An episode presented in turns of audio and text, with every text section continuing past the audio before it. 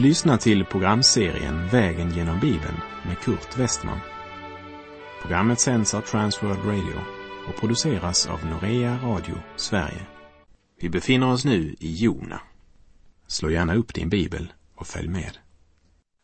När vi nu kommer till det tredje kapitlet i Jona bok så vill jag som överskrift över det här kapitlet sätta Jesu ord i Lukas 11, vers 30. Ty liksom Jona var ett tecken för folket i Nineve, så ska Människosonen vara det för detta släkte. Kapitlet börjar med att Herren förnyar sin kallelse till Jona. Han hade kallat honom tidigare, men då struntade Jona i kallet från Gud, reste i helt motsatt riktning av vad Gud önskade. Men ett Guds barn behöver inte leva på gamla erfarenheter. Även om Guds kallelse stod fast, så från Guds sida var det inte nödvändigt med en ny kallelse, men däremot för Jona han undrade säkert efter allt jag har gjort. Kan Gud verkligen gå med mig?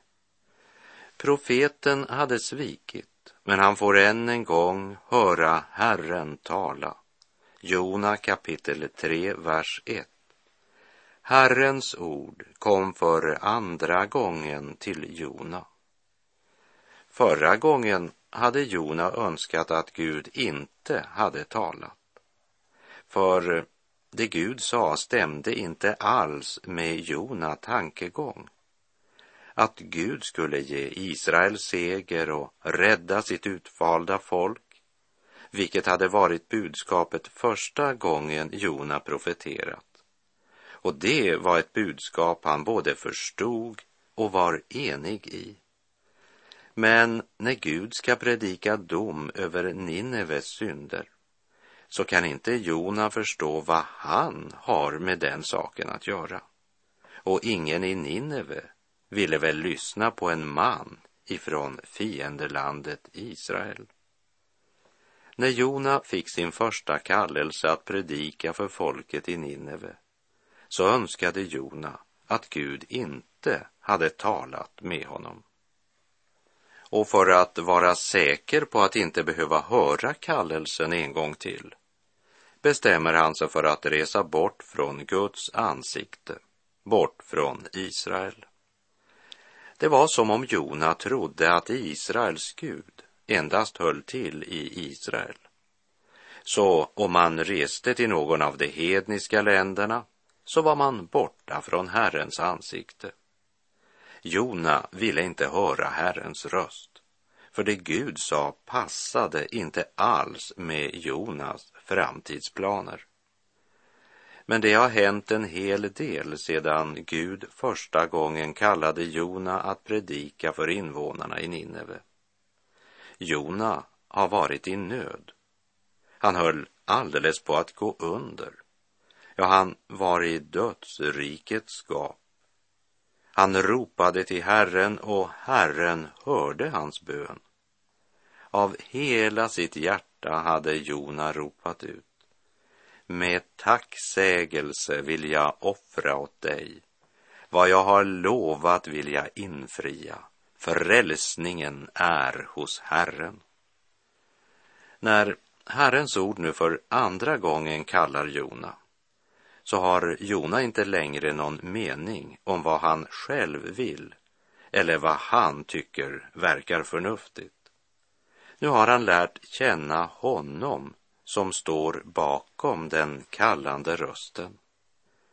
Det är som jag tyckte mig höra Jonas säga. Är det sant, Gud? Vill du i din nåd verkligen tala till mig igen? Tack, Gud, för att du inte utelämnat mig åt mig själv. Tack att du inte har upphört att tala Herre, Herre, jag lyssnar med spänning. Tänk att du, efter allt jag har gjort, fortfarande har något att säga mig. hos dig är frälsningen. Tala du, så lyssnar jag. Ja, det är en helt annan Jona som lyssnar andra gången. Låt oss nu höra vad Herren har att säga sin tjänare. Jona kapitel 3, vers 2. Han sade, stig upp och bege dig till Nineve, den stora staden, och predika för den det budskap jag ger dig. Första gången hade Gud kallat Jona med följande ord. Stig upp och bege dig till Nineve, den stora staden, och predika mot den. Ty deras ondska har kommit upp inför mitt ansikte. Det är ingen lätt uppgift att tala om för människor att de är syndare som står under Guds dom och måste omvändas. Och det är samma uppdrag han får andra gången. Men Gud påminner Jona om att han bara är brevbärare. Budskapet är Herrens. Predika för dem det budskap jag ger dig. Det är underbart att läsa om Guds tålamod och kärlek. Hur Gud genom stormen lyfte Jona tankar upp till Herren. Och samma kärlek som Herren har till sin tjänare Jona, samma kärlek har han till Nineves folk, de som håller på att gå under i synd och ogudaktighet. Det är viktigt att vi är klara över att det Gud gjorde med Jona är inte något undantag. Vi minns från vår vandring genom Första Mosebok Guds tålamod, kärlek och barmhärtighet emot bedragaren Jakob. Han som gång på gång valde fel väg, helt tills han stod hjälplös vid Jabboks vadställe med höften ur led och ropade till Herren. Jag släpper dig inte förrän du välsignar mig. Från den dagen var Jakob aldrig mer densamme. Vid detta möte med Gud skedde en förändring i Jakobs liv. Han var förändrad. Och när Jakob till sist ska välsigna Josefs barn säger han, den ängel som har förlossat mig från allt ont, han skall välsigna dessa barn som det står i Första Mosebok 48, vers 16. Efter alla svåra år, först på flykt undan sin bror Esau, sedan levde han i 20 år under mycket svåra förhållanden hos sin morbror Laban. Han som under dessa 20 år hela tiden förändrade Jakobs lön till det sämre tio gånger. När Jakob själv ska beskriva hur han hade det så säger han i Första Mosebok 31, vers 40. Så hade jag det. Om dagen plågades jag av hetta och om natten av köld och sömnen vek ifrån mig. Och här talar vi inte om en jobbig vecka eller en besvärlig månad i Jakobs liv men om 20 år. 20 fruktansvärda år. Men hur kunde Jakob då senare i Första Mosebok 48 tala om den ängel som har förlossat mig från allt ont? Jakob hade insett att det farligaste, det är inte allt det onda som andra människor kan göra oss, utan det värsta är vårt eget onda jag. Men 20 års fostran och tuktan samt kampen vid Jabboks vadställe där höften slogs ur led hade fört honom till den punkt i livet där han ropade till Gud om hjälp. Aldrig hade Jakob hållit i en annan människa som han nu höll. Aldrig hade han varit så beroende av en annan och det blev hans räddning. Ja, det var det som var själva förvandlingen. Jakob hade blivit beroende av Gud. Och det har också vår vän Jona nu blivit. När det inte finns någon annan utväg, inte något hopp, när det enda som kan rädda oss är ett Guds under, då börjar Guds möjligheter. För Guds möjligheter börjar där våra möjligheter tar slut. Låt oss meditera över de orden en liten stund.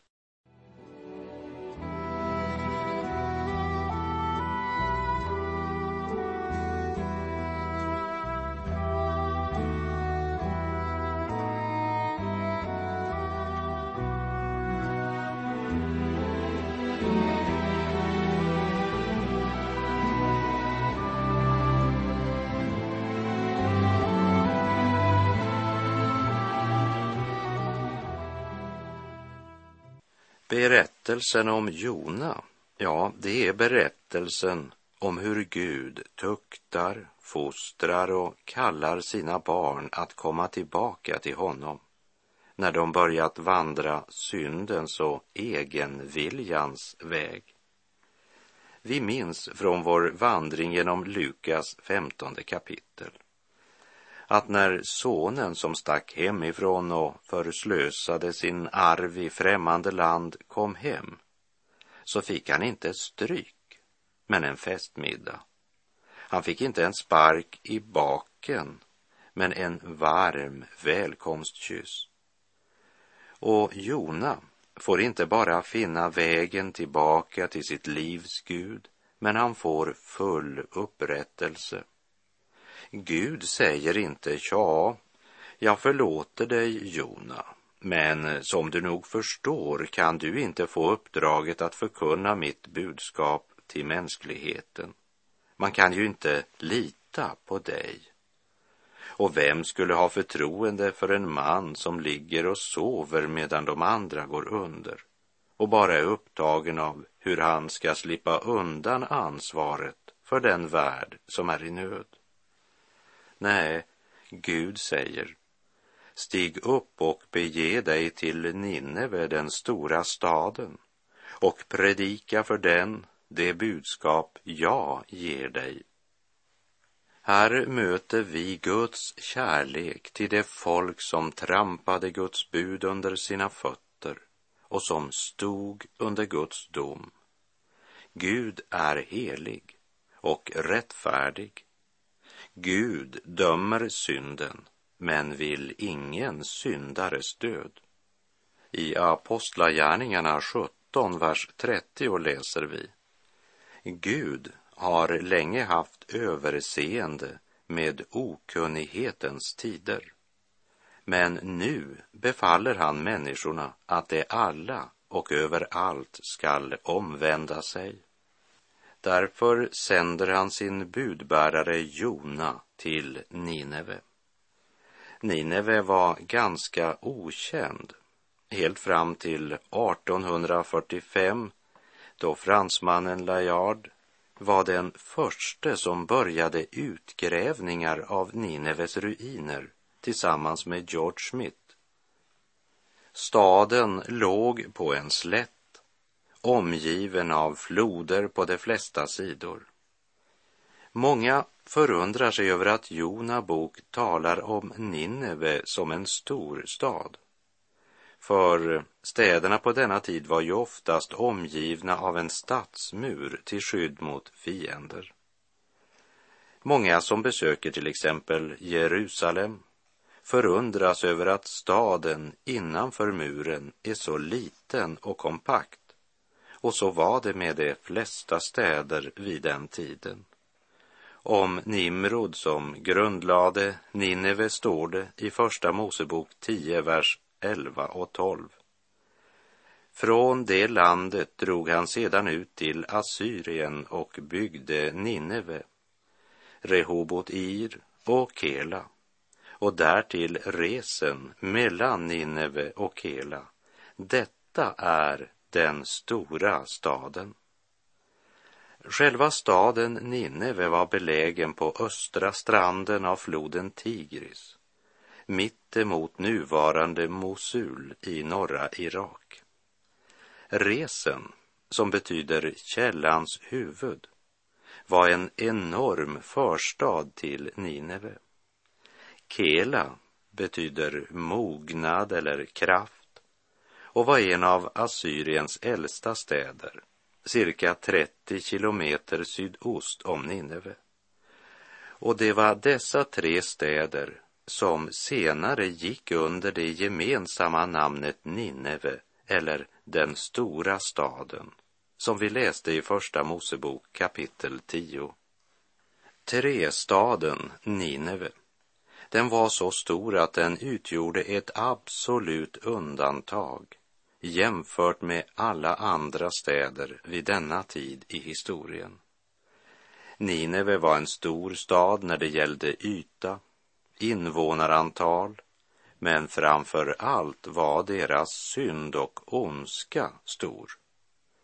Vi minns från Amos bok och Hosea bok hur Guds dom kom över Israel och Juda på grund av deras synder och missgärningar. Och nu florerar samma synder i Assyrien och framför allt i den så folkrika trestadstriangeln Nineve, som också kallas för den stora staden.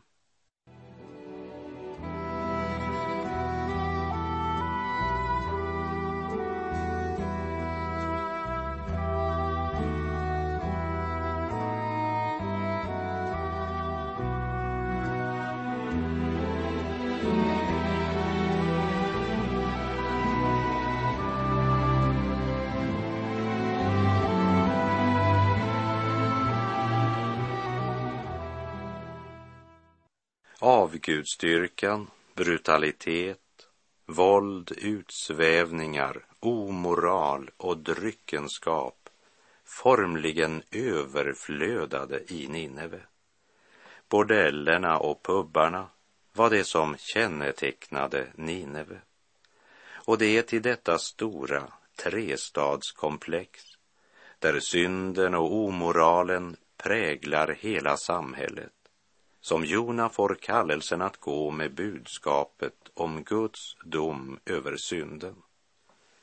Vi läser Jona kapitel 3, vers 3. Då steg Jona upp och begav sig till Nineve enligt Herrens ord. Men Nineve var en stor stad inför Herren Gud, tre dagsresor lång och Jona gick en dagsresa in i staden och predikade och sade om fyrtio dagar skall Nineve bli ödelagt. Vi ska ha klart för oss att det tog lång tid för Jona att nå ut till hela detta stora område. För han hade inte tillgång till radio som vi har. Han hade inte ens en högtalare. Hur kunde han ge sig i kast med en sådan uppgift? Han gick vilande i vissheten om Guds möjligheter. Han hade ju försökt fly undan Guds ansikte och han visste ingen kan fly undan Gud.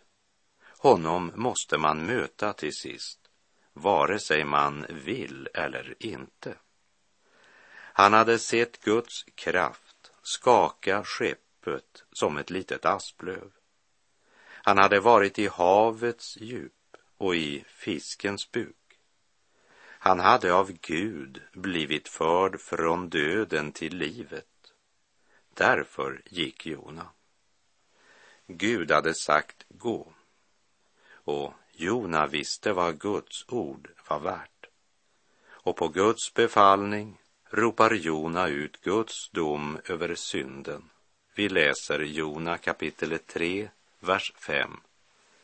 Och folket i Nineve trodde Gud och lyste ut en fasta och klädde sig i säcktyg från den minste till den störste av dem. Vilka underbara ord här mitt i det gamla testamentet hedningar som i skaror ångrar sin synd, vänder om till Gud, både unga och gamla. Här smälte generationerna samman. Tänk, Jona mirakulösa räddning blev också Nineves räddning. Juden Jona var tre dagar i fiskens buk. Och efter att han av Herren räddats från dödens mörker sänds han ut till hedningarna med omvändelsens budskap. Likt Kristus efter sin uppståndelse sände ut sina lärjungar att förkunna frälsningens evangelium för både judar och hedningar. Guds kärlek är gränslös. Hans nåd är oändlig. Hans kraft ingen människa utforskat än. Men av sina eviga, väldiga skatter han giver och giver och giver igen. Allt Gud ber syndaren om, det är att tro honom som Gud har sänt. Det gjorde man i Nineve. Men hur är det för dig och mig idag? Här vill jag citera något som reformatorn Martin Luther har sagt. Tron är inte någon sömnig, ljum tanke i hjärtat utan den helige Andes egen gåva och verk i oss, som förvandlar oss och gör oss till nya människor.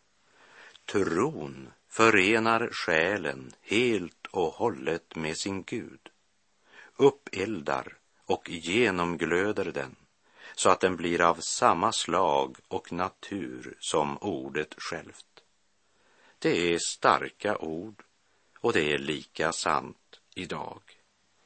Och det är ju uppenbart att den förståndstro som finns hos många av vår tids kristna bekännare är något helt annat än den sanna och levande tron. Det är många som gärna vill känna Guds nåd som den saliggörande, men som inte vill veta av Guds tuktande nåd. Man är redo att säga ja till en Jesus som försonar deras synder. Men samtidigt vänder de ryggen till Jesus som den Herre de ska lyda och tjäna. Omvändelsen i Nineve blev mer än ord. Och budskapet gick från stadsdel till stadsdel och nådde helt till kungens palats. Vad gör Nineves kung när han får höra att det är en jude som går omkring på Nineves gator och förkunnar att deras stad skall omstörtas? Arresterar han honom som förrädare? Ja, låt oss läsa vad texten i Jona kapitel 3, vers 6 säger. När budskapet nådde kungen i Nineve reste han sig upp från sin tron och lade av sin mantel och klädde sig i säcktyg och satte sig i aska. Kungen i Nineve ödmjukar sig inför Gud. Hans handling är en dubbel bekännelse. Dels bekänner han att han tror budbärarens ord och samtidigt är hans handling en bekännelse av att Gud har rätt. Han bekänner sin synd, ödmjukar sig inför Gud. Han har inte tänkt fortsätta att leva som förut. Han vänder om och ber Gud om nåd. Och den som ödmjukar sig inför Gud och ber om nåd skall också få erfara att Gud är nådig Låt oss så läsa vad kungen i Nineve gör efter att han själv har ödmjukat sig inför Herren, vers 7 och 8.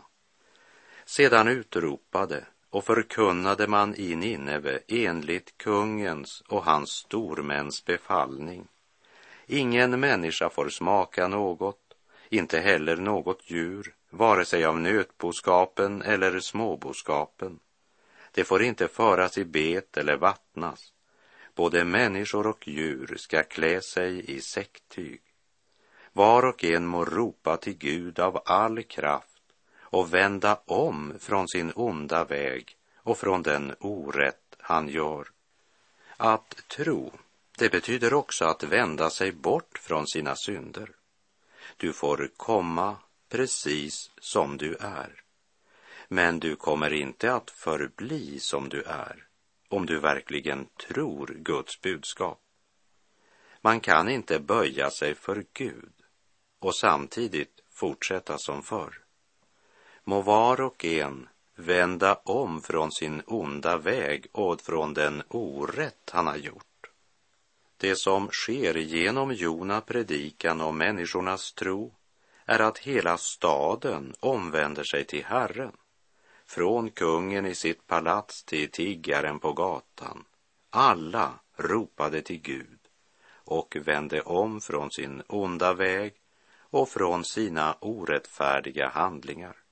Det finns bara ett ord för det som nu sker och det är väckelse. Man får nu och då höra om väckelse på olika orter i Norden. Men mycket av det som sker i vårt kära land kan nog inte kallas för väckelse. Även om vi ser Guds ande i verksamhet på många platser där ordet förkunnas rent och klart och att enskilda genom Guds ord och Andens uppenbarelse får uppleva både frälsning och förnyelse. Men någon verkligt genomgripande väckelse har vi inte sett i vårt land de senaste åren.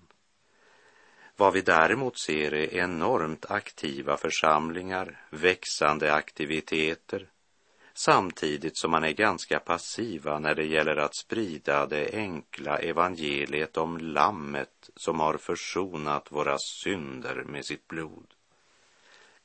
Det är ungefär som det var för Jona när kallet till Nineve första gången nådde honom.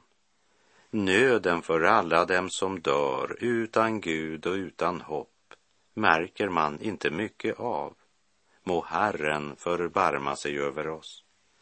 Men vi verkar vara ännu mer förhärdade av synden än folket i Nineve var. Det vi behöver idag är inte nya metoder eller bättre marknadsföring.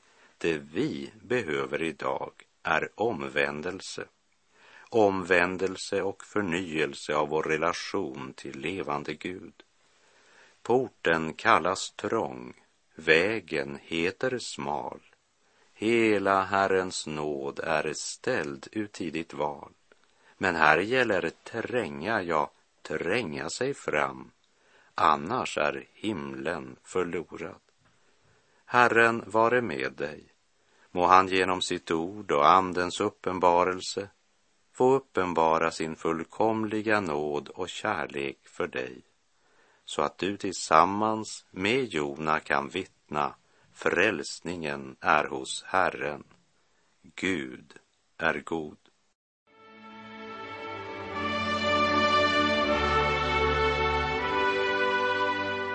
Du har lyssnat till programserien Vägen genom Bibeln med Kurt Westman som sänds av Transworld Radio. Programserien är producerad av Norea Radio Sverige. Om du önskar mer information om vårt radiomissionsarbete så skriv till Norea Radio Sverige, box 3419 103 68 Stockholm. Adressen är alltså Norea Radio Sverige, box 3419. Postnumret 10368 Stockholm.